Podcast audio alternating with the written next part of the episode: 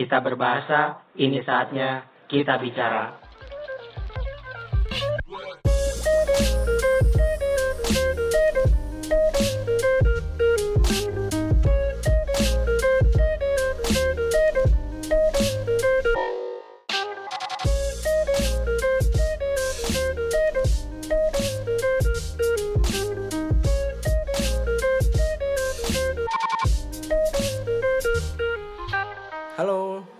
Datang kembali di podcast Kita Kita, Bicara. Kali ini kita bakal bahas apa nih? Kali ini kita bakal bahas tentang cinta. Wih, di Udah berat kayak- nih kayaknya berat nih. Nggak berat juga, soalnya kita ngalamin, semua kita pasti ngalamin Oke. namanya cinta. Kita Mungkin mulai. dari cinta ini kita bakal bahas spesifik dari sisi psikologi. Nah. Sisi psikologinya itu eh, apa itu cinta?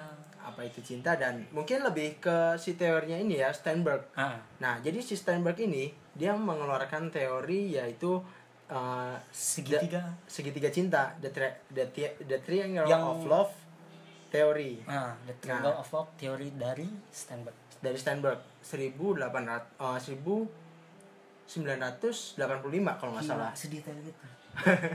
ya kita juga harus harus Memberikan eh, informasi yang iya harus jelas Yoi. kita da- dapat data dari mana ini dari mana itu harus harus pasti karena kita juga nggak mau menyesatkan. iya kita, Kita pertama juga- kita kita nggak mau menyesatkan kedua kita pengen berbicara itu berdasarkan teori gitu nggak Berdasarkan hal yang benar udah dipetakan. Iya, jadi uh, jadi kita sama-sama belajar, sama-sama dapat ilmu, sama-sama growth bareng. Coba dan- kalau misalkan kasih info yang salah tahun 1945 kayak kemerdekaan terus lagi juga kita ngasih ilmu yang salah kita juga belajar yang salah soalnya kan kita di sini emang kita gitu Hmm, kamu ngedengar kita di sini juga ngedengar buat pembelajaran kita sendiri masa iya kita ngasih ilmu yang salah walaupun ke depannya mungkin ada nggak sesempurna gitu. itu dan mungkin juga uh, misalkan gue salah nih, gue salah dalam tahunnya 1800 kan tadi gue sebutin 1985.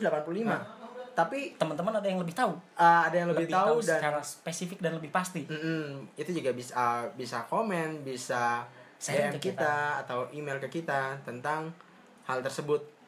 Oke, eh, oke kita lanjut. Kita mulai dari Triangle of Love. Eh, Triangle of Love itu dari apa sih awalnya? awalnya sebenarnya di Triangle of Love itu sebelum saya tahu sebelum aku tahu tentang hal ini Iya. jadi em, aku tuh tahu cinta segitiga itu adalah cinta antara aku kamu dan ada perempuan lain Ya, pasti. Awam. Awam. Semua orang tahu itu. cuman di dalam segitiga cinta yang menurut Steinberg ini itu terdiri dari tiga Komponen. komponen utama Iya. Apa apa aja itu? yang utama itu yang enggak yang utama sih maksudnya yang pertama ada intimacy yang didasari oleh liking atau kita menyukai Ya. lawan jenis kita Hmm. Yang kedua ada passion. Itu passion itu yang mendasari eh gairah, Gairah, gairah. kita. Dan yang ketiga itu adalah komitmen di Hmm. antara kita eh, kita itu antara si subjek satu dengan pasangannya. Ya. Itu adalah yang mendasari daripada eh, segitiga cinta Segitiga ini. cinta ini ya. Namun selanjutnya mungkin mereka ini dari si intimacy ke passion atau ke komitmen itu bisa saling terhubung Iya. dan menjadikan se- makna cinta yang lain. Mungkin sebelumnya kita kasih tahu dulu secara spesifik intimacy itu yang kayak gimana, Hmm. passion itu yang kayak gimana, Coba. dan komitmen komitmen itu yang kayak gimana. Eh, mungkin dari intimacy, intimacy itu kan kelekatan, eh iya da- daya tarik kelekatan. Mungkin intimacy nggak nggak cuma terjadi di pasangan, Ah. tapi juga jadi Jadi, di teman. Ah, jadi kita nih ngebahas cinta yang nggak cuman melulu ngomongin tentang kedua pasangan Iya. atau pasang kekasih. Ya, sepasang kekasih. Enggak, jadi kita ini ngebahas cinta ini yang lebih universal. Jadi yang kayak intimasi ini kan bisa terjadi kelekatan ini bisa terjadi antara cinta kamu, cinta teman-teman atau cinta aku atau Rija ke ibu, ke saudara, Yeah. ke eh, teman-teman gitu kan. Jadi cintanya itu ya intim, dekat, suka eh, masa kita kan sama temen gitu, sama orang tua. Nah, bisa dikatakan bahwa cinta yang intim itu ya yang seperti itu gitu. Iya. dan kemudian di dalam keintiman ini eh, itu tuh ada elemennya tuh ada emosi kemudian kehangatan kepercayaan dan keinginan untuk meng- eh, membina hubungan. Jadi ya kayak yang gue bilang tadi itu tuh nggak cuman eh, nggak cuman sama pasangan tapi kalau cinta yang ini cinta di intimacy ini kan triangle of love nih. Hmm. Eh, ada tiga di anta- eh, dari dari intimasi ini itu tuh ada ada hal-hal hal-hal yang tadi gue sebutin. Kemudian juga sa- aspeknya juga kayak ada keinginan keinginan untuk meningkatkan kesejahteraan mengalami kebahagiaan bersama orang yang dicintai itu tadi menghargai orang yang dicintai setinggi tingginya mendap dapat mengandalkan orang yang dicintai dalam waktu yang dibutuhkan kemudian saling pengertian dengan orang yang dicintai membagi dirinya dirinya dan dimiliki or- orang yang dicintai kemudian menerima dukungan emosional dan pokoknya masih banyak dah masih banyak hal-hal lain yang bersangkutan dengan intimasi itu sendiri. Intinya lebih kepada komunikasi berhubungan dan jauh lebih dalam itu tuh ya kayak friendship aja gitu. Friendship eh, ingin tumbuh bareng berkembang bareng dan berarti ya? nggak ada gairah dan walaupun ataupun komitmen di dalam Nggak- intimacy love ini. Iya, jadi nggak nggak ada gairah dan juga Hmm. komitmen. Maka uh, inti, cuman intimasi itu tadi. Ah. Kemudian kita lanjut ke passion passion. kalau si passion ini jadi kita tuh memiliki gairah terhadap lawan jenis pasti Iya. kan lawan jenis Mm-mm. normal jadi kita nih memiliki gairah terhadap lawan jenis kita misalkan aku suka sama perempuan itu nah Mm. itu emang basicnya itu emang dari liking Iya. cuman setelah liking kita memasuki kalau dikatain tahap itu bisa juga karena mungkin eh, setelah masa sih tiba-tiba ada gairah hasrat doang Iya, apa segala macam jadi yang mendasarinya mungkin ya tadi ya dari yang pertama itu dari eh, liking jadi si liking itu ketika ketika kita suka sama lawan jenis kemudian timbullah rasa gairah secara seksual Tapi yang yang gue baca justru kebalik, dik. berarti Justru kebalik. Jadi passion dulu nih, passion. Oh, gairah dulu? Iya, gairah dulu. Jadi kan ya kayak yang uh, lagu lagu jazz yang dari mata turun ke hati itu. siap Iya benar seriusan. Eh, jadi dari mata orang tuh lihat nih, orang lihat secara fisik, Ah. secara ya secara visual gitu Hmm. yang good looking lah, Ya. apa segala macem Ya. lah. Nah dari situ baru masuk ke liking Ah. atau like- intim lebih intim inti intimasi Oh, itu berarti, sendiri ya. ah, liking liking itu kan ah ya eh, bagi eh, bagian dari tiga komponen yang utama itu ah, bagi, bagian dari intimasi lah ya. Ah. Nah dari situ oh ya ya got it Nah, dari situ dari passion, dari passion kemudian barulah ke liking. alat Cuman berarti itu tadi ya kalau dikatain proses berarti dari passion dulu passion si dulu. gairah dulu timbul Hmm. gairah secara seksual kemudian dia masuk ke tahap liking atau Liking. tahap yang lebih inti Iya. Nah, eh, kemudian tapi gua nggak tahu nih. Gua Hmm. nggak tahu kalau misalkan apakah hal itu benar terjadi di setiap individu Nah, apalagi terlebih eh, itu terjadi setiap individu dan lebih spesifiknya perempuan. Karena seperti yang gua tahu, Ah. atau mungkin lu juga tahu, perempuan itu nggak nggak nggak melulu tentang fisik gitu. ah I see Ah, perempuan itu lebih ke lebih ke intim dulu mungkin ya. iya. Nah, makanya Kayak- kenapa kayak perempuan yang lebih milih nyaman dulu mungkin Iya, itu perempuan yang yang lebih nyaman dulu. kayak yang waktu itu aku bilang berarti mereka itu lebih nyaman dengan kata-kata yang lebih halus gitu Nah, iya iya iya. Kayak kayak yang kayak yang lu Iya. kayak yang lu sebutin di uh, di podcast pertama itu mungkin Iya. orang orang bakal uh, kalau kalau perempuan ya, kalau perempuan mungkin mungkin ini mungkin ada karena kan tendensi Iya. lebih memilih nyaman dulu eh, nyaman dulu, kemudian barulah passion. nah Nah, di situ. Kemudian eh, yang berikutnya ada eh, komitmen. Nah, komitmen ini eh, apa ya? Keinginan untuk membina hubungan lebih jauh dan eh, mereka ini saling berkomitmen untuk sama satu sama lain dan untuk melekatkan hubungan dan mengarah ke yang lebih jauh. jauh Eh, mungkin mengarah dalam mengarah yang lebih jauh ini mungkin ke arah yang lebih serius arah yang lebih serius. contohnya kalau emang dua sejoli ya ke arah yang pernikahan seperti itu ya pernikahan dan jadi eh, seperti teman-teman tahu kita tahu juga komitmen itu adalah sebuah perlakuan yang memiliki batasan terhadap suatu tingkah laku yang akan kita lakukan Iya. karena misalkan kita ingin melakukan ini tapi kita berkomitmen dengan siapa jadi kita tuh memiliki batasan Oh iya iya iya ada iya. iya. boundaries gitu jadi Hmm. kita lakuin apa karena kita mempunyai komitmen Hmm. jadi kita tuh nggak melakukan hal itu gitu Oh iya iya iya. kalau konteksnya emang pasangan laki-laki dan perempuan gitu komitmen Hmm, iya iya iya. Jadi eh gua nangkapnya sih misalkan kayak eh, di dunia kerja nih misalkan Hmm. ya di dunia kerja ketika eh pasa- sa- eh, pasangan ini kerja satu sama lain dan beda kantor, Ah. kemudian ya mungkin dia tertarik dengan teman kerjanya. de- dengan teman kerjanya, tapi ketika ada komitmen itu, itu mereka- yang bisa menjaga memberikan batasan. Ya. Seperti itu mungkin. Nah, iya, mungkin seperti itu ya, seperti eh, seperti yang teman-teman tahu, komitmen itu mungkin lebih menjaga, lebih intinya ingin ber, eh, hubungan itu tetap langgeng lah ya, Ah, tetap utuh tetap utuh, berjalan dengan norma yang berlaku gitu Iya. berlaku di umumnya gitu maksud. Nah dari ketiga eh, dasar cinta ini Iya. eh, dari ketiga dasar cinta ini selanjutnya itu adalah ada nih ketika si intimacy ketemu dengan passion, ketika si intimacy ketemu dengan komitmen, ketika Iya. si passion ketemu dengan komitmen itu akan menjadi makna lain daripada cinta Oh, tersebut. iya iya iya. Jadi iya. kayak misalkan ketika kamu uh, ada intimasi itu yang tadi udah dibahas kayak Yeah. intimasi sama passion berarti dari udah ada gairah apa segala macam Yeah. kita tuh liking dan kemudian hubungannya itu menjadi semakin intim Iya.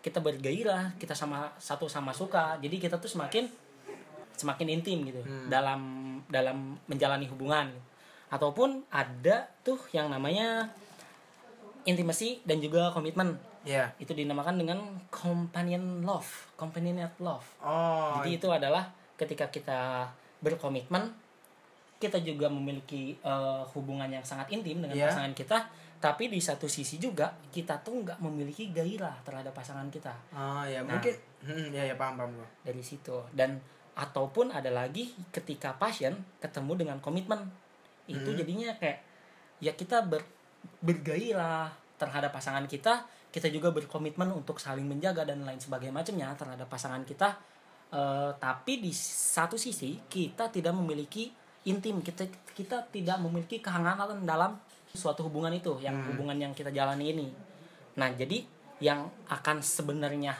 terjadi ketika semuanya ini tidak eh, saling bertemu gitu akan menjadi sebuah hubungan yang menjadi cucuk gitu kalau nggak Iya iya iya iya eh kalau mungkin teman-teman taunya eh, sebagai hubungan yang toksik gitu.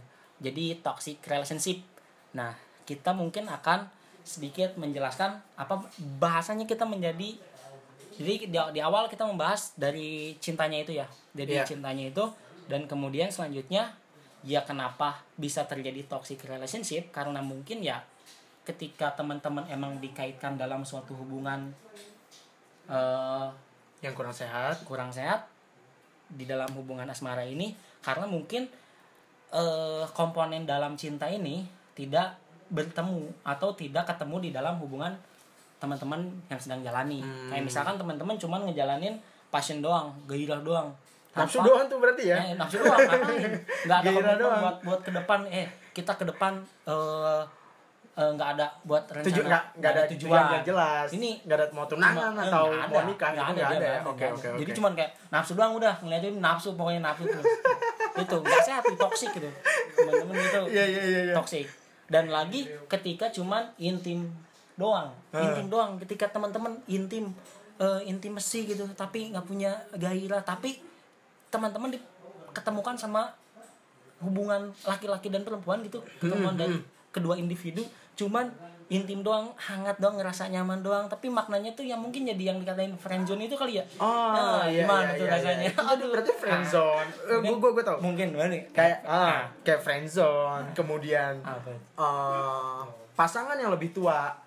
Otomatis kan kalau pasangannya lebih tua nih Hmm. istilahnya kayak kayak kakek nenek-nenek itu tuh pasti enggak gue nggak tahu bukan pasti ya maksudnya passion gitu Hmm. gairah gai- gairah mungkin udah nggak ada karena udah Iya, tua gitu kan Nah, tapi dari situ, sebagai teman nah enggak enggak mas gue yang uh, kakek nenek itu oh, ah, ah. kakek nenek itu mungkin nggak ada passion nggak nggak ada Iya. passion nggak ada gairah kemudian juga komitmen ya mereka komitmen ya komitmen lah istilahnya orang dia udah ngejalanin hubungan itu dari Iya. Lama. udah lama gitu dan komitmennya mungkin tua. sebatas itu aja Ha. sebagai teman yang lebih dekat apa Ya. gimana tuh mungkin kalau bisa dibilang uh, kadarnya tuh gini ketika uh, si kakek nenek ini udah menjalin hubungan yang lama itu tadi Hmm.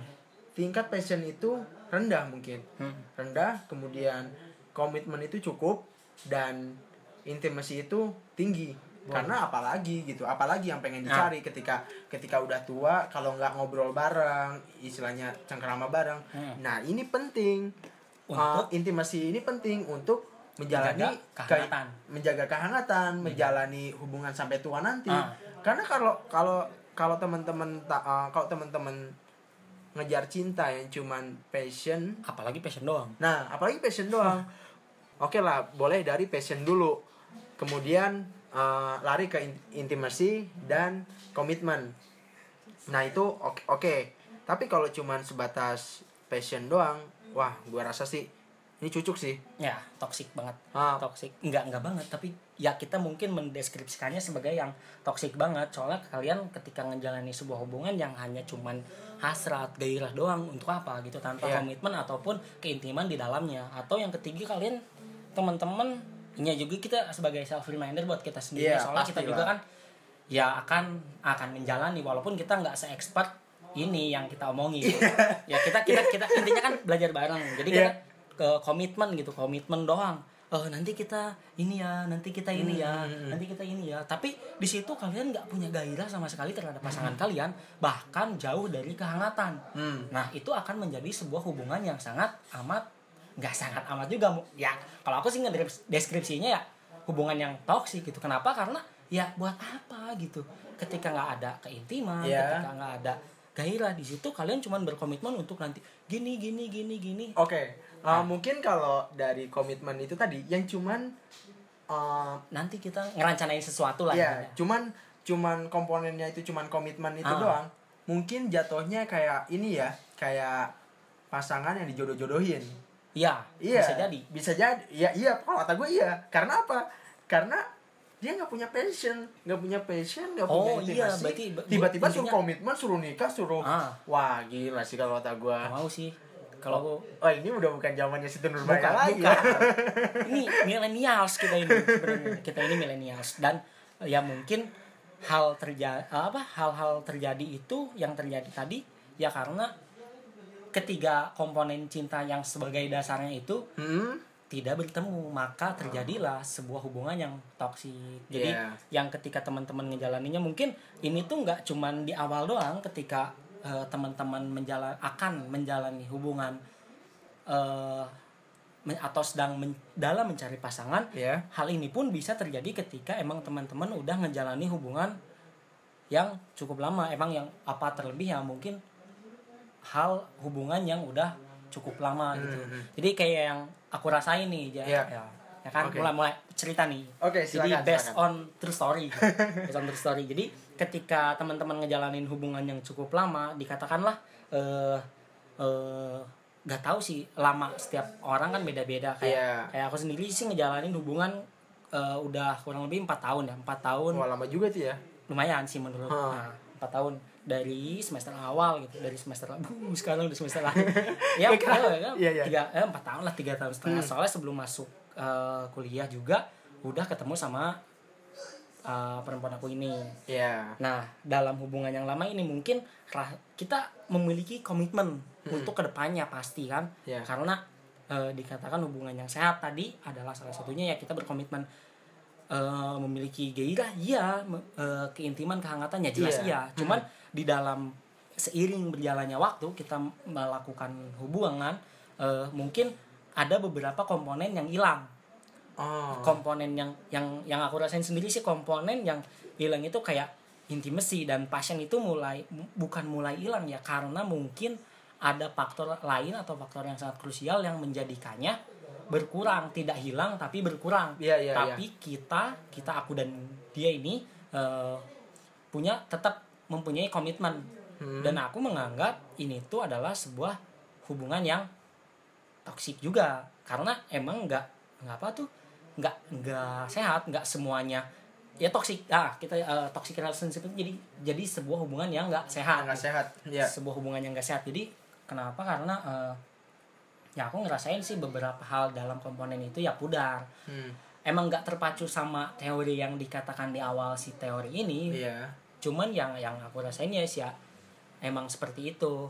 Dari toxic relationship ini hubungan yang tidak sehat ini timbullah hal-hal yang dapat terjadi. Mulai dari perlakuan eh, fisik dan Ya. juga eh, pelapalan melalui verbal gitu. Hmm. jadi tidak sehat secara kemudian timbul hal-hal yang itu. Jadi tidak sehat secara fisik tidak sehat secara mental mungkin ya? mental. Jadi ya ya mungkin ya namanya mungkin sudah cukup dikatakan lama ya mungkin bakal terjadi hal seperti Iya. itu tadi jadi Hmm. yang enggak iya yang enggak enggak sehatnya tuh dari verbal juga kan sering terjadi gitu Iya. ya yang dapat membuat si mental kita satu individu dan individu lainnya yang dalam hubungan tersebut dapat terluka memang tapi eh, menurut gue itu wajar sih ketika se- satu pasangan Hmm. menjalani hubungan yang lama yang ya katakanlah bertahun-tahun Hmm.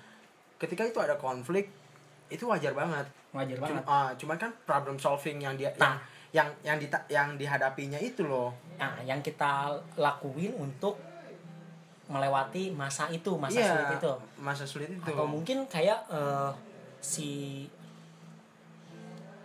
ketika yang toksik ini tuh bukan masalah kuantitas kita menjalani hubungan gitu, bukan seberapa lama kita menjalani Iya, hubungan iya, iya, iya, ketemu iya. toksik.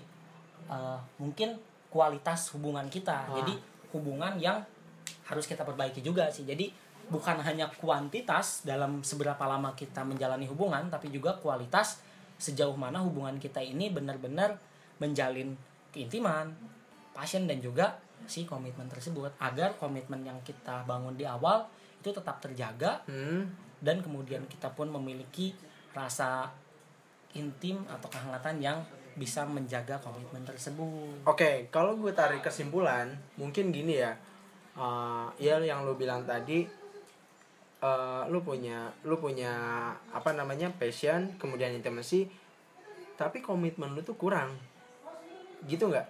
Bukan, jadi komitmen yang tetap standby, Hah? si passion dan si intimasinya itu yang berkurang. Nggak habis cuman berkurang. Eh, awalnya kan dari dari komitmen itu kan, maksudnya dari dari komitmen yang rendah dulu kan, Hmm. kemudian jadi gini, eh, kalau yang gue tangkap sih gini, lu sama pasangan lu itu pertama dari intimacy, in- eh, intimacy dan juga passion. Ah, belum ada komitmen nih ah. belum ada komitmen jadi ketika ko- konflik itu timbul konflik itu timbul maka barulah dimunculkan si komitmen ini Ah. gitu gitu bukan Komitmen baru mungkin, komitmen baru komitmen setelah baru Nah, itu komitmen Ah. baru karena sebelum sebelumnya juga memang ada sebuah komitmen di antara kita. Hmm. Dan di depan ketika kita menghadapi sebuah konflik, entah itu yang pudar di titik mana, ya nah maka kita membentuklah atau membuat sebuah komitmen baru untuk menjaga komitmen di awal ini agar menjadi kalau kebanyakan teman-teman mungkin juga pernah dengar atau pernah iya yang namanya relationship goals itu. ya ya Jadi untuk menjaga ini tuh si kita antara aku dan dia itu harus mempunyai komitmen baru untuk menjaga komitmen awal agar sampai si relationship goals ini. Kan kalau goals itu ya jangka jauh, jangka, panjang. panjang ah. lah iya Makanya dari situ Bu. Jadi adanya komitmen baru ketika kita menghadapi sebuah masalah di dalam hubungan ini. oke kita balik lagi ke uh, Back to case. ya back to case ke di sini kan yang gue lihat uh, nggak dari inte- uh, dari passion kemudian intimacy dan juga komitmen di sini tuh ada ada delapan komponen loh ada Sebenarnya di dalam Ah. jadi di dalam di dalam di dalam cinta Segitiga. ini da- dalam segitiga cinta ini jadi tiga tiga faktor itu tadi menghasilkan beberapa gaya gaya cinta ah bukan gaya cinta apa ya se- eh, ada menimbulkan eh, makna cinta baru. nah Coba sekarang teman-teman bayangin kayak Nah, sekarang tuh teman-teman segitiga nih. Segitiga itu ada tiga sudut. Iya. Anggaplah eh, intimasi itu ada di atas, pasien itu ada di kiri bawah, komitmen itu ada di kanan bawah. Hmm. Nah, sekarang teman-teman bayanginnya segitiganya itu adalah intimasi ketemu komitmen alias ujung kanan bawah. Nah, ini itu menghasilkan makna cinta yang baru. Ya. Atas dan juga kiri bawah itu juga menghasilkan makna cinta baru, juga sisi kiri bawah dan sisi kiri kanan bawah menghasilkan makna cinta yang baru. Iya. Nah, awalnya kan itu tadi yang uh, yang kita bilang intimacy, intimacy itu sama dengan yang liking tadi. Hmm. Uh, yang tadi lu, lu udah jelasin. Kayak kayak liking cuman ya fr- liking, friendship itu yang uh, kehangatan Terjadi di intimasi itu. terjadi di intimacy. Kemudian uh, infatuate love. Nah, di situ juga itu cuman fetus ya, fetus fetus, Fetus love. love. Fetus love. Nah, di situ yang yang gue bilang tadi cuman gairah doang. Hmm. Uh, lu lu uh, lu menjalin hubungan berdasarkan gai, uh, gairah. Kemudian ada romantic love. Uh, nah, romantic uh, romantic sorry, sebelumnya ada komitmen dulu. Ada komitmen tapi nggak ada intimacy sama nggak ada passion. Nah, ini tadi yang yang gue uh, yang kita sebutin yang itu namanya empty love. Yang yang kita bilang itu yang yang dijodoh-jodohin itu loh. Iya. Nah, itu Oh karena iya, iya, iya. Nah, karena di situ nggak ada intimacy sama passion. Hmm. Ya, mereka eh, berhubungan tanpa tanpa ada Rasa keintiman, rasa hangat rasa hangat dan juga rasa gairah. gairah gitu. Tiba-tiba suruh nikah aja. Iya, dijor-jodohin lah intinya. Iya. Kemudian juga ada non love nih. Sebenarnya ada non love. Non love itu sebenarnya sih nggak usah dibahas sebenarnya ya. Iya. Sebenarnya non love itu kayak misalkan nih eh, Eh nggak- j- nggak- bukan nggak usah dibahas, bahas sih sebenarnya karena masuk iya delapan delapan cinta gitu. Iya. Jadi kayak non love. Non love itu ibarat kayak lu sama ibi-ibi kantin gitu. Bah iya kali. nah, lu, lu sama ibi-ibi kantin kan Iya, ada iya, iya. nggak ada intimasi kan? Nggak ada intimasi atau uh, Tiba-tiba gairah. itu Kecuali kecuali tapi ada kecualinya. tiba-tiba ada passion gitu tiba-tiba ada gairah ya mungkin kalau kalau kalau si ibu-ibunya itu mungkin punya Oh. body yang wah oh. gitu Intermezzo tadi teman-teman tadi intermezzo teman-teman. Ya, tadi nah itu uh, sorry kita balik lagi Hmm, balik nggak ada nggak intinya nggak ada passion kemudian nggak ada komitmen ya kali lu pengen pengen komitmen sama ibu-ibu kantin kan nggak Iya, mungkin iya, coy iya. Jadi pesan makan ya. Komitmennya cuma supply makanan doang. Iya. lagi. Nah itu, nah itu sebenarnya non love itu ya lu sama orang lain yang nggak lu kenal, yang intinya yang cuma sekedar lewat ataupun apa segala macam itu dikatakan non love. Itu nggak ada intimasi, nggak ada passion dan juga nggak ada komitmen. Nah, selewat aja dah udah pokoknya. Iya. Udah. Nah kemudian kita bahas eh, tentang romantic love. Nah romantic love ini biasanya terjadi pada remaja. Remaja dan Bocil. juga, ya Bocil, bocil.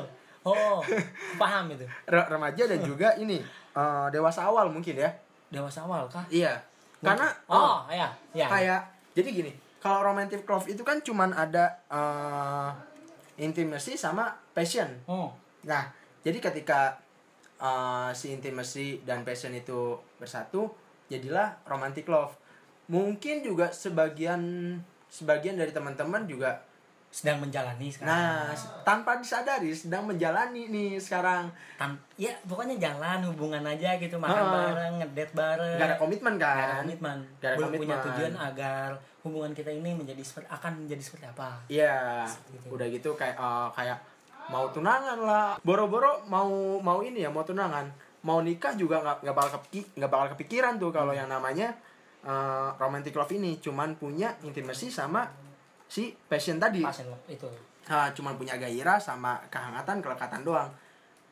Kemudian nah, yang eh, ini juga salah satu tos- toxic juga sih sebenarnya di remaja-remaja sekarang karena ya yang kita tahu eh, remaja-remaja sekarang ini ya cuman menjalani hubungan tanpa adanya sebuah komitmen Iya, itu jadi tadi. teman-teman juga di sini harus eh, menyadari gitu eh, berada di mana sih hubungan atau berada di titik mana sih Hmm. hubungan yang teman-teman jalani ini apakah Iya. berada di romantic love yaitu antara intim dan juga passion atau Hmm. mungkin cuman intim doang atau ya harus sadar diri gitu kalau udah tahu friendzone ngapain juga gitu kan jadi teman-teman harus sadar di situ Ya, eh, sebelum kita kita sebenarnya kita harus sadar Eh, nah di sini juga yang yang gue baca nih dari dari jurnal gue aduh gue lupa sih nyatat eh, nyatat nama jurnalnya apa cuman gue terima kasih banget buat jurnal ini karena di sini dia bahas tentang kasus eh, passionate love gitu. Ketika ketika si romantic love ini ya ya dijalani oleh remaja dan Ah, remaja itu I see, sadar sadar tidak sadar menjalaninya dengan sesuatu hal yang tidak sehat yuk i- Nah, mari kita uh, kenapa kenapa tidak sehat? Karena banyak banget nih dari tem uh, ya gue nggak tahu sih teman-teman yang dari teman-teman yang dengar ini ngelakuin ini atau enggak. Cuman dari dari penelitian yang dia dia teliti banyak banget kasus kekerasan dalam pacaran terjadi uh, udah gitu ada pencabulan, kemudian tindak perkosaan atau proses berpacaran yang merusak masa depan seseorang gitu. ya, ini ini itu udah lebih gimana ya ini tuh jadi udah lebih daripada toksik sih Hmm. Uh, bukan jadi sebuah hubungan eh hubungan cuman gimana maksudnya jadi yang lebih apa ya lebih fatal sih karena mereka Iya, iya. nggak bener diawasi mungkin teman-teman juga ya itu makanya teman-teman juga semoga teman-teman juga eh, memiliki kesadaran berada di titik manakah Iya. hubungan yang sedang teman-teman jalani Iya. agar tidak terjadinya hal-hal seperti yang kerja baca ini nih di jurnal ini Ya, eh, dari situ juga maksudnya kenapa judul judul kita eh, Triangle of Love, which one are you gitu. Ma- maksud maksud dari sini tuh kita bukan eh, bukan mau ngajarin, tapi kita kan belajar bareng, sharing. kita sharing, gitu. Jadi sebenarnya di titik mana sih eh, teman-teman? kita kita ini ada di titik mana gitu, ada eh, ada di tahapan mana hubungan hubungan yang kita jalanin itu ada titik ada di fase yang mana Nah, gitu. itu Nah, dia. kemudian eh, selain kekerasan itu tadi ada juga yang posisi eh, maksudnya berpacaran itu tidak sehat. Nah, yang tidak sehat itu yang kayak gimana? Ketika eh, ketika salah satu pasangan membatasi ruang gerak pasangan karena takut kehilangan atau rasa memiliki yang terlalu tinggi. Nah, di sini orang eh, teman-teman bisa biasa nyebut dengan posesif kan? Hmm. Ya, itu Ya. udah mungkin itu udah udah sering banget kan, sering banget terjadi uh, di environment kita gitu, di Hmm. lingkungan kita. Cuman ya kita sendiri juga nggak nggak sadar sebenarnya uh, kita ini ada uh, lagi ada di posisi itu dan korbannya nih dari jurnal yang gue baca korbannya itu adalah yang ngerasa ini loh, yang ngerasa rela, maksudnya yang ngerasa melakukan segalanya gitu ah melakukan aku se- mau lah ngelakuin Ah. apa aja buat kamu Nah itu itu tuh wah kata gue itu toxic banget sih maksudnya uh, ketika salah satu pasangan itu rela berkorban atau rela melakukan segalanya untuk pasangan yang lainnya itu di, uh, itu biasa disebut dengan altruistik atau ya itu tadi rela gitu maksudnya dia ngelakuin apa juga oke ya oke okein aja gitu. Kondisi ini juga berlangsung gitu berlangsung dan kor Ter- terus menerus gitu. Ah, jadi terus- demi kebahagiaan si pasangannya. Nah jadi dari si pasangan ini rela ngelakuin apa aja demi kebahagiaan si salah satu pasangannya. Ya entah itu dari perempuan ataupun dari si laki-lakinya. Hmm, jadi ya mungkin di sini adalah eh, kasusnya eh, toksiknya sebuah hubungan itu hmm, dapat terjadi dari hal-hal yang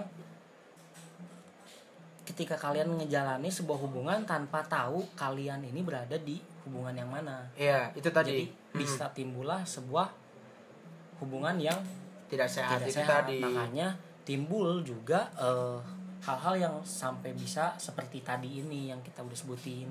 Jadi eh, mungkin di teman-teman juga udah timbul nih pertanyaan yang gede banget di atas kepalanya nih. Ada ada tanda tanya yang gede banget. Iya. Wah, kayak di wow kayak di ibaratin tuh ada.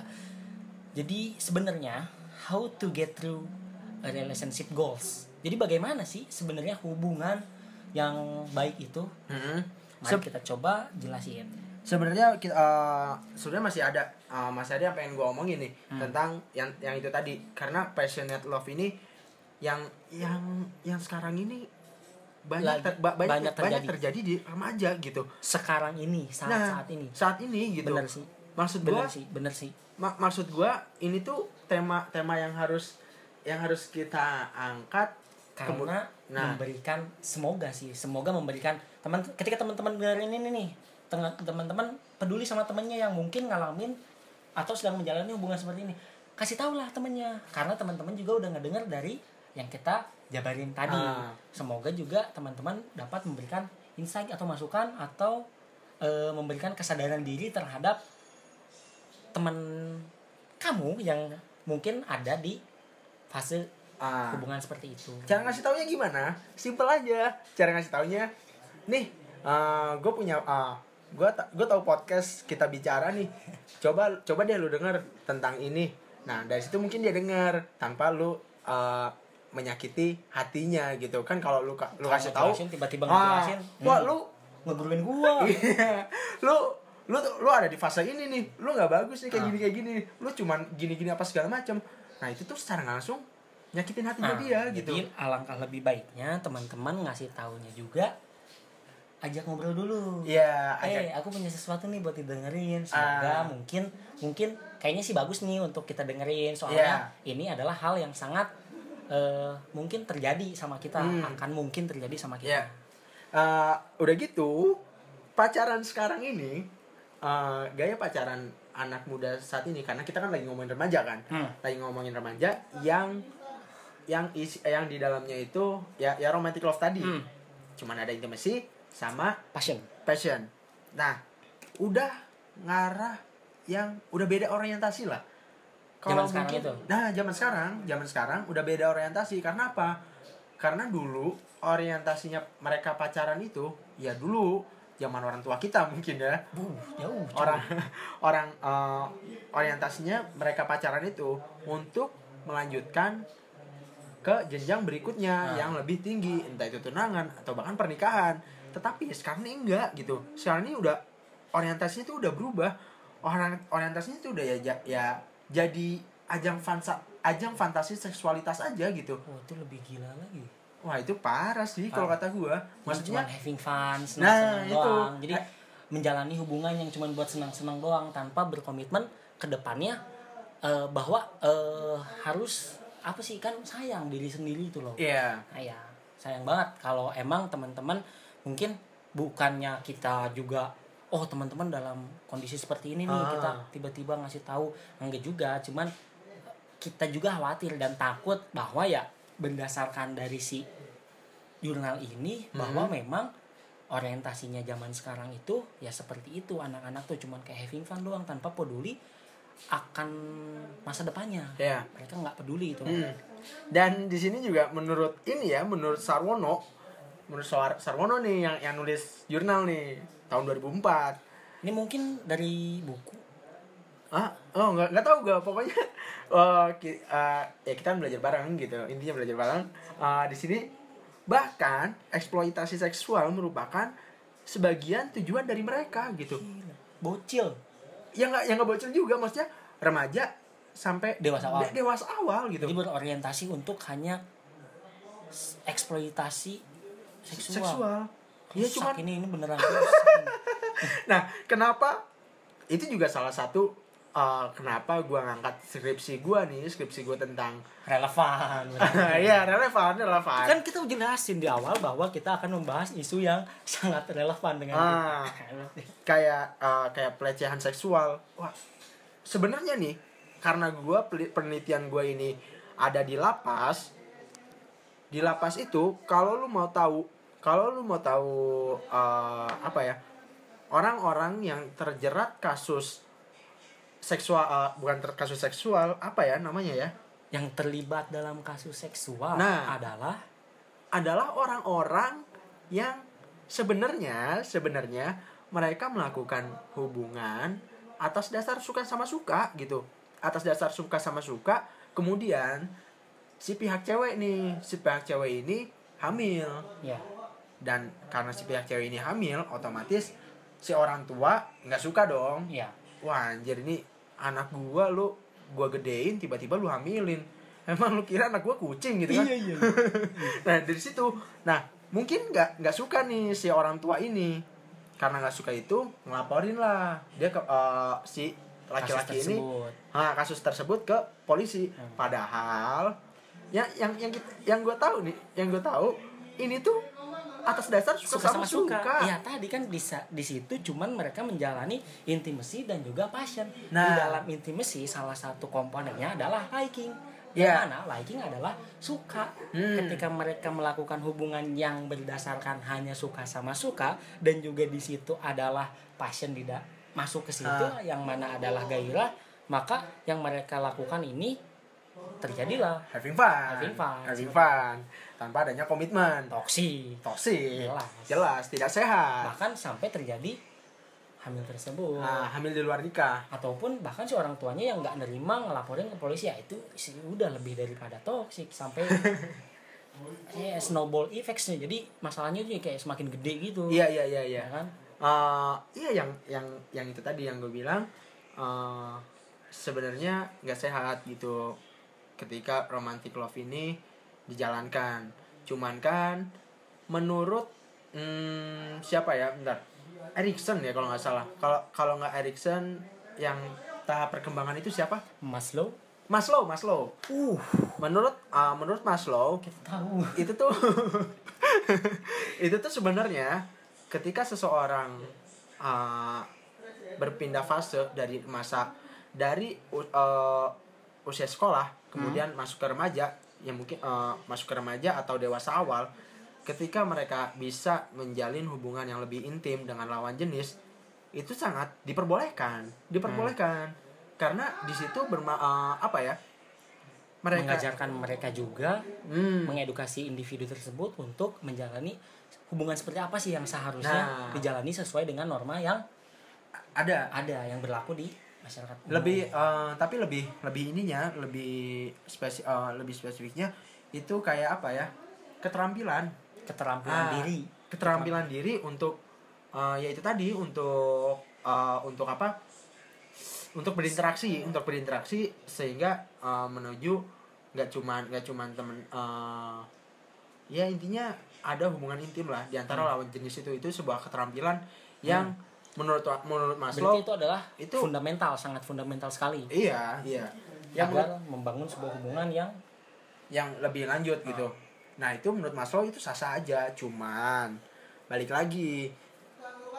Ini kan tadi yang gue sebutin itu yang nggak sehat itu kan yang tadi si ah, romantic love ini nggak yang salah satunya lah salah Iya, iya, satu iya, iya. daripada teori cinta ini yang altruistik tadi Ah. ketika seseorang uh, membi- mem- membolehkan ya merelakan segalanya untuk pasangan. Itu yang yang yang apa namanya yang yang tidak sehat itu tadi gitu.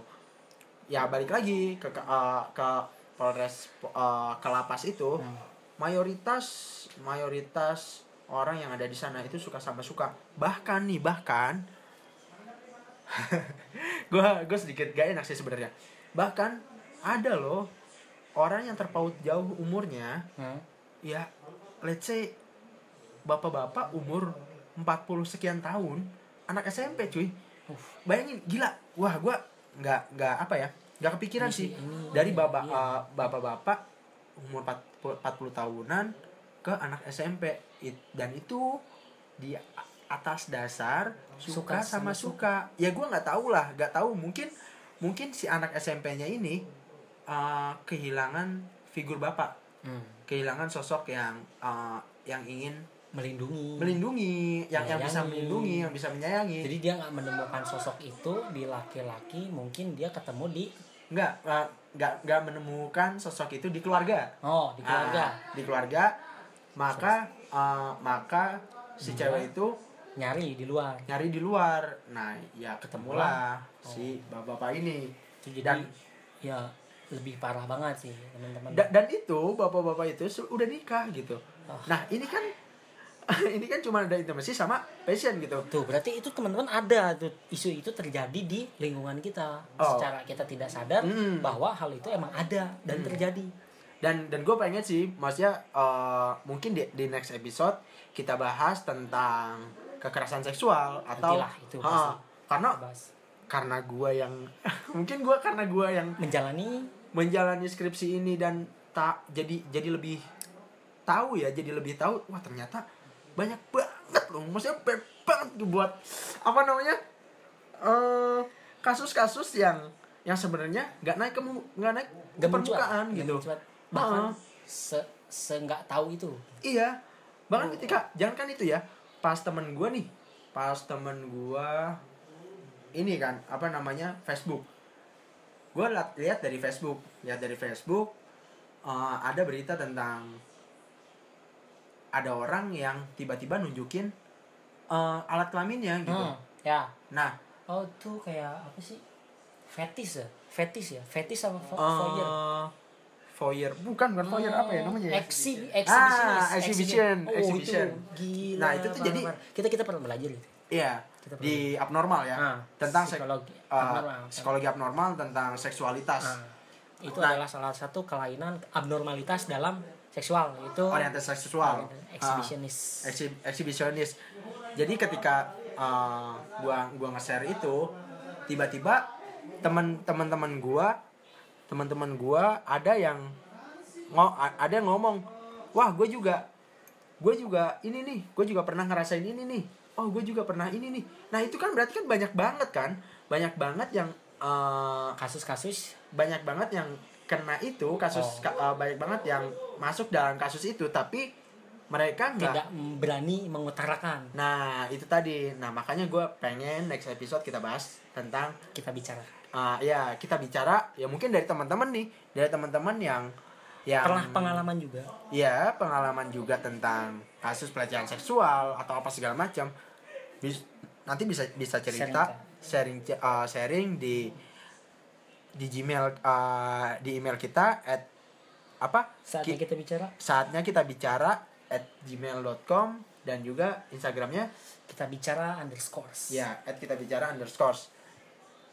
Nah balik lagi Balik ke lagi. ke yang tadi apa namanya? Pertanyaan yang sangat mungkin akan timbul ketika ya. teman-teman ngedengerin. Ah langsung kayak emang emang hubungan seperti apa? Yang emang benar-benar selayaknya kita jalanin gitu jadi hubungan macam apa sih yang eh, kita harus jalanin hmm, mungkin teman-teman juga dari awal udah dengerin kita ngomong eh, jadi kita cuma ngomongin kasus apa segala macam hmm. dan mungkin kita di di belakang ini eh, bakal eh, mencoba untuk mengkerucutkan Iya. mengkerucutkan daripada obrolan kita tadi Eh, Oke, enggak enggak. Eh, so- sorry sebelum gue potong. Tap. Oh iya iya iya. Kita udah udah bahas non love, kita udah bahas intimacy tadi yang yang ininya liking, kita udah bahas passion yang ininya yang cuman gairah doang, mhm. infatuate love atau fetus love. Eh, kita Itu juga udah bahas, bahas semua. ya anti love tentang apa namanya hubungan yang nggak ada yang nggak ada gairah dan nggak ada ada kelekatan uh. nggak ada kehangatan di dalamnya kemudian Namun- kita juga udah bahas tentang romantic love kita juga udah bahas companion love. Oh kita belum bahas nih companion love yang kayak gimana nih? Companion love itu kayak eh, intimacy dan juga komitmen oh itu masih dan komitmen jadi cuman adanya ada hubungan rasa nyaman dan Hmm. juga komitmen mungkin di sini kayak hubungan di bisa terjadi di hubungan apa tuh antar keluarga. Ah iya iya iya antar keluarga. Antar keluarga. Kenapa? Karena mungkin di sini kita dengan keluarga dekat mungkin kita merasakan rasa aman rasa nyaman. Kita lebih intim dengan keluarga terdekat kita. Hmm. dan juga kita memiliki komitmen sebagai ya kita ada batasan komitmen tadi sebuah batasan untuk melakukan mengut- mengutarakan sebuah kata ataupun perlakuan. Ya yang mana di sini tidak adanya gairah. Jadi mungkin terjadi rasa sayang atau cinta ini terjadi ketika ada di hubungan antar antar keluarga itu tadi ya. keluarga. dan uh, komitmennya itu terjadi ketika ya mungkin ketika uh, si anak si anak mau melakukan sesu- maksudnya bukan melakukan sesuatu maksudnya uh, dari dari kecil. Misalkan dari eh, dari usia uh, anak-anak usia anak-anak uh, orang tuanya atau usia remaja. Usia remaja orang tuanya udah udah kayak yang orang tua dan anak udah komitmen lu mau masuk kuliah mana nih? Hmm, lu mau ma- itu. ah lu mau masuk kuliah ada mana deal dealan di antara Iya, gua- si anak dan orang tua. Gue bisa uh, istilahnya dari orang tua dari ayah gue bisa biayain lu uh, di sini gue bisa bisa biayain lu di sini. Hmm. nah lu tinggal pilih kuliah lu di mana. Tapi jangan sampai lu nge- uh, ngecewain komitmen yang lu buat Udah, tadi ah, iya, sam- dan sama sama, orang tua lu tadi Hmm. nah ini companion love ini bisa terjadi di uh, keluarga keluarga. Nah kemudian uh, fetus love, fetus love itu cuman ada passion dan juga komitmen. Dia nggak ada nggak ada intimasi gitu. Nah di- uh, itu kemudian juga ada consummate love. Nah consummate love itu yang terakhir lah ya. Ntar kita Jadi- bahas yang how how to get through. Hmm, Dan sebenarnya- sat- salah satu pas uh, salah satu toxic uh, yang hubungan yang tidak sehat juga itu yang yang gue bilang tadi. Yang cuman ada passion itu tadi. Ya, nah jelas. ini tuh kayak uh, orang-orang yang cuman gairah doang. Kayak one night one night stand gitu. Hmm. cuman ya kayak Cinta gitu satu lah malam. ah cinta Ya. satu malam. Dari gitu juga kayak FWB ya friends with benefit. Ah itu juga uh, salah satunya termasuk ke itu tadi kan. Hubungan yang toksik. hubungan yang hubungan yang toksik tadi hubungan yang tidak sehat tadi. Hmm. dan Dari- gimana sih? contoh-contoh yang tadi nih kita ngomongin toksik mulu. Iya. udah kenyang juga mungkin teman-teman juga udah semakin nanya juga nih sebenarnya. Nih, ya jadi teman-teman udah semakin bertanya.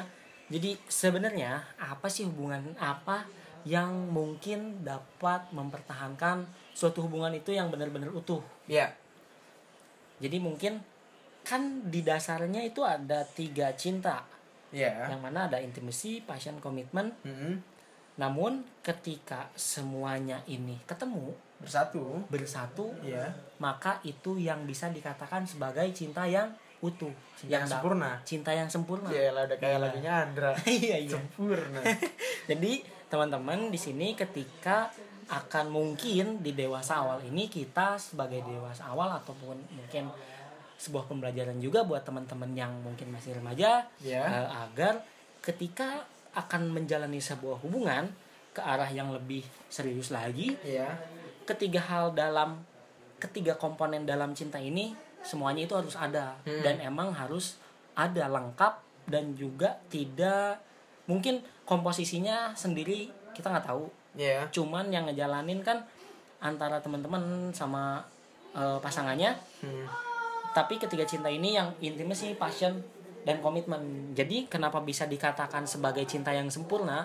Karena ketika teman-teman memiliki kelekatan, kehangatan dengan pasangannya teman-teman ataupun juga eh, memiliki passion, juga memiliki komitmen. Nah, di situlah ketemu sebuah pasa bukan pasangan, sebuah hubungan yang dapat mengantarkan teman-teman kepada relationship goals tadi. Iya. Jadi di sini kan ada pertanyaan mungkin dari teman-teman kayak eh, how to get through eh, relationship goals gitu. ya How to get through gimana eh apa how to get through eh, toxic relationship ini menjadi relationship goals. Nah, mungkin jawabannya adalah ketiga cinta ini harus saling melengkapi. Jadi ada in- keintiman, ada passion, ada juga komitmen, di dalamnya. Jadi hubungan yang akan teman-teman kalian jalani ke depannya akan lebih bisa mencapai ke relationship goals itu. Iya, jadi yang yang gue tangkap ini, jadi ya kita uh, ketika kita pengen hubungan itu sehat, hubungan itu ber- uh, berjalan dengan se- sebagaimana mestinya, kita ini punya uh, harus punya ketiga komponen itu tadi, Tiga komponen itu Uh, baik itu intimasi, baik itu Passion. passion, dan juga komitmen. dan juga komitmen itu tadi ya.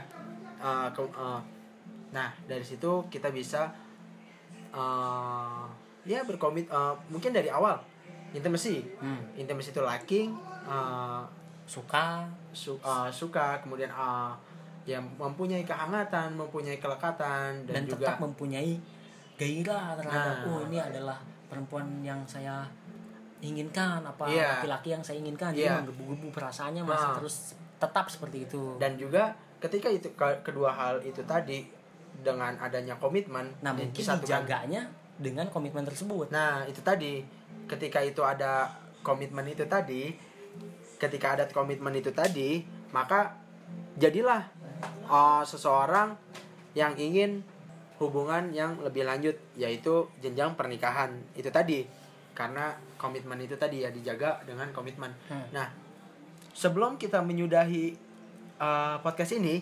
uh, sebenarnya gue pengen bahas lagi sih sedikit lagi sedikit lagi tentang uh, sedikit tentang gue soalnya gini ketika orang sudah mencap uh, ketika seseorang udah mencapai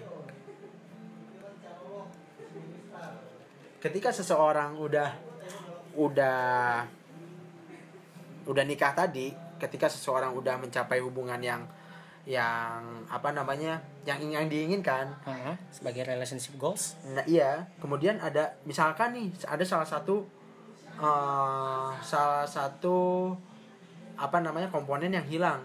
Soalnya gue baca nih, gue baca eh, di pada jurnal yang ngebahas tentang pernikahan pada eh, sepasang suami istri yang bekerja, yang bekerja. Nah otomatis kan dia nggak sepenuhnya di rumah kan Hmm. nggak sepenuhnya di rumah dan nggak nggak nggak nggak full 24 jam mereka ketemu dan keduanya itu saling pisah gitu Hmm. Sa- uh, mereka punya kantor masing-masing dan apa segala macam punya lingkungan mas- masing-masing juga nah di sini misalkan intimasi intimasinya uh, ada yang kurang dari kelekatan itu maka terjadilah hubungan hubungan yang sebagai uh, hubungan itu ya mereka ngerasanya hubungan itu sebagai beban gitu Se- uh, cuman formalitas aja Hmm.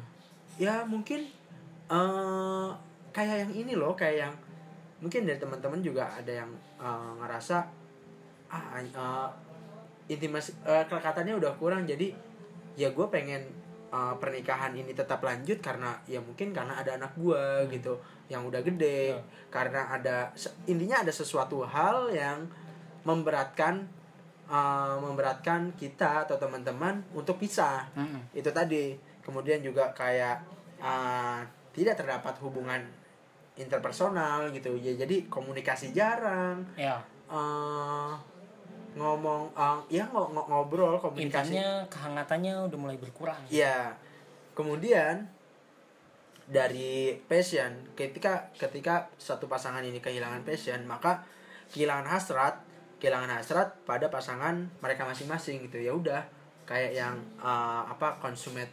Uh, aduh. Tadi gue lupa apa ya. Kayak iya consummate love. Kayak consummate love itu tadi. Uh, kemudian ketika hilang komitmen. Ketika- hilang komitmen itu uh, menik ketika hilang komitmen itu ya pasangan menikmati menikmati hubungan dengan pasangan tetapi tanpa memikirkan tanggung jawab gitu. Tanpa memikirkan jauh tanggung jawab dan rencana masa depan. Hmm. ya itu sih itu uh, itu mungkin sering terjadi ketika pasca uh, menikah pasca menikah ya? Hmm. kalau ini tuh apa? Pra pra sama pasca. Pasca ya? Iya. oh iya pra sama pasca. Aduh kok jadi bego ya? Pa- uh, pasca menikah dan juga tidak berharap saat uh, untuk bersama dalam pasangan hidup ini selamanya. Mm-mm. jadi nggak adanya komitmen itu berkurangnya komitmen jadi nggak berharap sama sekali dengan pasangan hidupnya ini untuk bertahan hidup selamanya gitu. Jadi cinta abadi aku sama kamu itu selamanya misalkan.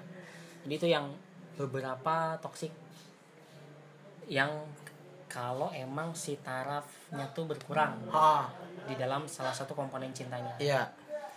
Eh, teman-teman mungkin itu aja yang dapat kita sampaikan mungkin ada pesan dari kita buat teman-teman dari jadi dulu apa nih pesannya buat teman-teman yang dengerin?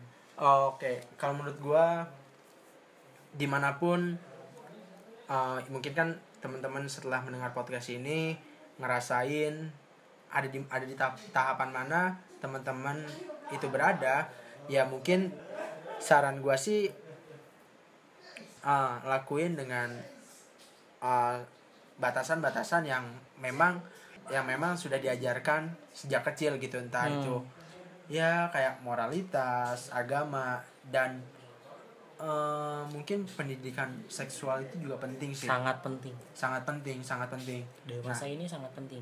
Pendidikan seksual terlebih yang lihat kasus di belakang tadi. Iya, nah itu tadi. Di mana pun uh, di- di mana pun teman-teman sedang melak, uh, melaku- uh, sedang menjalani hubungan saat ini jalankan saja jalankan sebagaimana mestinya tetapi tetap memperhatikan moral agama Hmm. dan juga uh, apa yang telah diajarkan oleh orang tua masing-masing iya itu tadi kalau mungkin uh, menurut menurut lo nih dik gimana Ah. dik kalau aku sendiri sih ngelihat dari tadi kasusnya yang altruistik itu Iya. menarik banget Uh, juga sebagai self reminder juga kan kita belajar Iya. kita juga bi- kita bicara di sini tuh kita belajar kita belajar bareng gitu kalau aku sih uh, mungkin pesannya juga buat sendiri juga terlebih buat teman-teman semoga bermanfaat pesan dari aku ini. Kayak uh, sesimpel bukan sesimpel juga sih sebenarnya nggak sesimpel itu malah yang nggak sesimpel itu malah yang nggak sesimpel itu Iya, iya, ternyata. iya, iya. Eh, kayak gini teman-teman eh, sayangi diri dulu sendiri. Sayangi diri dulu sendiri. Jadi sebelum teman-teman menyayangi orang lain. menyayangi orang lain mencintai orang lain melindungi orang lain jadi teman-teman alangkah lebih baiknya ya ini juga kan self reminder buat diri sendiri buat aku sendiri kayak ya harus menyayangi diri sendiri. Sebelum kayak yang yang tadi terjadi sehingga dia rela melakukan segalanya padahal dia jadi korban Iya, tersiksa segala macam. Heeh. jangan sampai teman-teman berada di titik seperti itu jangan sampai. bahaya sih. Makanya dari itu aku sih berharap buat teman-teman juga buat aku sendiri bahwa ya mencintai diri sendiri dan menyayangi diri sendiri itu adalah hal yang sangat penting sebelum teman-teman menjalani hubungan dengan orang lain. Mungkin dari aku itu aja sih Eh, ada teman lain atau mungkin apa gitu? Eh, Oke, sebelumnya mungkin dari teman-teman yang eh, teman-teman tadi kan ngedengerin nih distra atau terdistrak nih dengan suara-suara yang ada di belakang kita. kita minta maaf banget Iya. soalnya kita juga di rekaman kita nggak seprofesional studio Iya. kita nggak seprofesional studio kita masih ngelakuin ini di kosan soalnya kita masih ya teman-teman tahu kita mahasiswa Ah, ah, kita masih di kosan, kita masih ya terbatas gitu Hmm, kan, terbatas, pasti pasti terbatas. Jadi eh, support, maksudnya teman-teman juga bisa bisa support kita lewat eh, kasih rating di iTunes atau share share di eh, instastory teman-teman share- di instastory boleh teman-teman. tag di Instagram itu kita juga udah nyediain platform untuk kita sharing Iya. yaitu di at kita bicara underscore teman-teman bisa nemuin kita di Instagram jadi semakin teman-teman apa share atau ngajak teman-temannya buat denger ngajak teman-temannya jadi teman-teman ini jadi teman kita juga untuk Iya. sharing Mhm. untuk berbagi pemikiran perasaan yang kita rasakan dan teman-teman juga rasakan di situ kita bakal terus semakin semangat untuk tetap belajar Iya. Nah, dari situ ki- kita juga punya atau misalkan teman-teman mau cerita yang lebih panjang banget nih. Kan kalau di Instagram kan kesannya maksudnya kalau panjang banget gitu kan terbatas terbatas gitu kan. Teman-teman bisa email ke kita di ki- saatnya kita bicara at Gmail.com. nanti Oh, segala rasa teman-teman boleh disampaikan lewat situ aja. Oke, kita harap uh, teman-teman semua support dengan apa yang kita lakuin saat ini. Mhm. dan kita juga bakal bakal improve lebih baik lagi ke improve, depannya. improve lebih baik lagi. komentar dari teman-teman. Iya. jadi kita tetap belajar sih.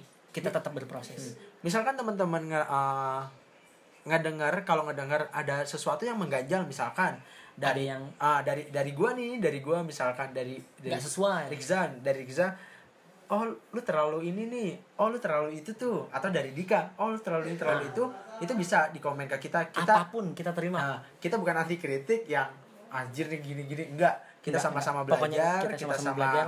Sama-sama pengen tahu, sama-sama ya sama-sama growth bareng lah ya. intinya kita lebih baik dan semoga apa yang kita sampaikan saat ini Hmm. dapat bermanfaat buat teman-teman terlebih buat diri kita di sini Iya, uh, self reminder itu self reminder ya jadi kita, self reminder ah, buat kita. kita belajar juga kan kita tetap terus belajar apa pun yang kita lakuin semoga ini bermanfaat untuk kita semua Oke. mungkin itu aja sih dari kita Oke, eh, iya itu aja dari kita dan sampai ketemu di episode selanjutnya. Dah. Bye. bye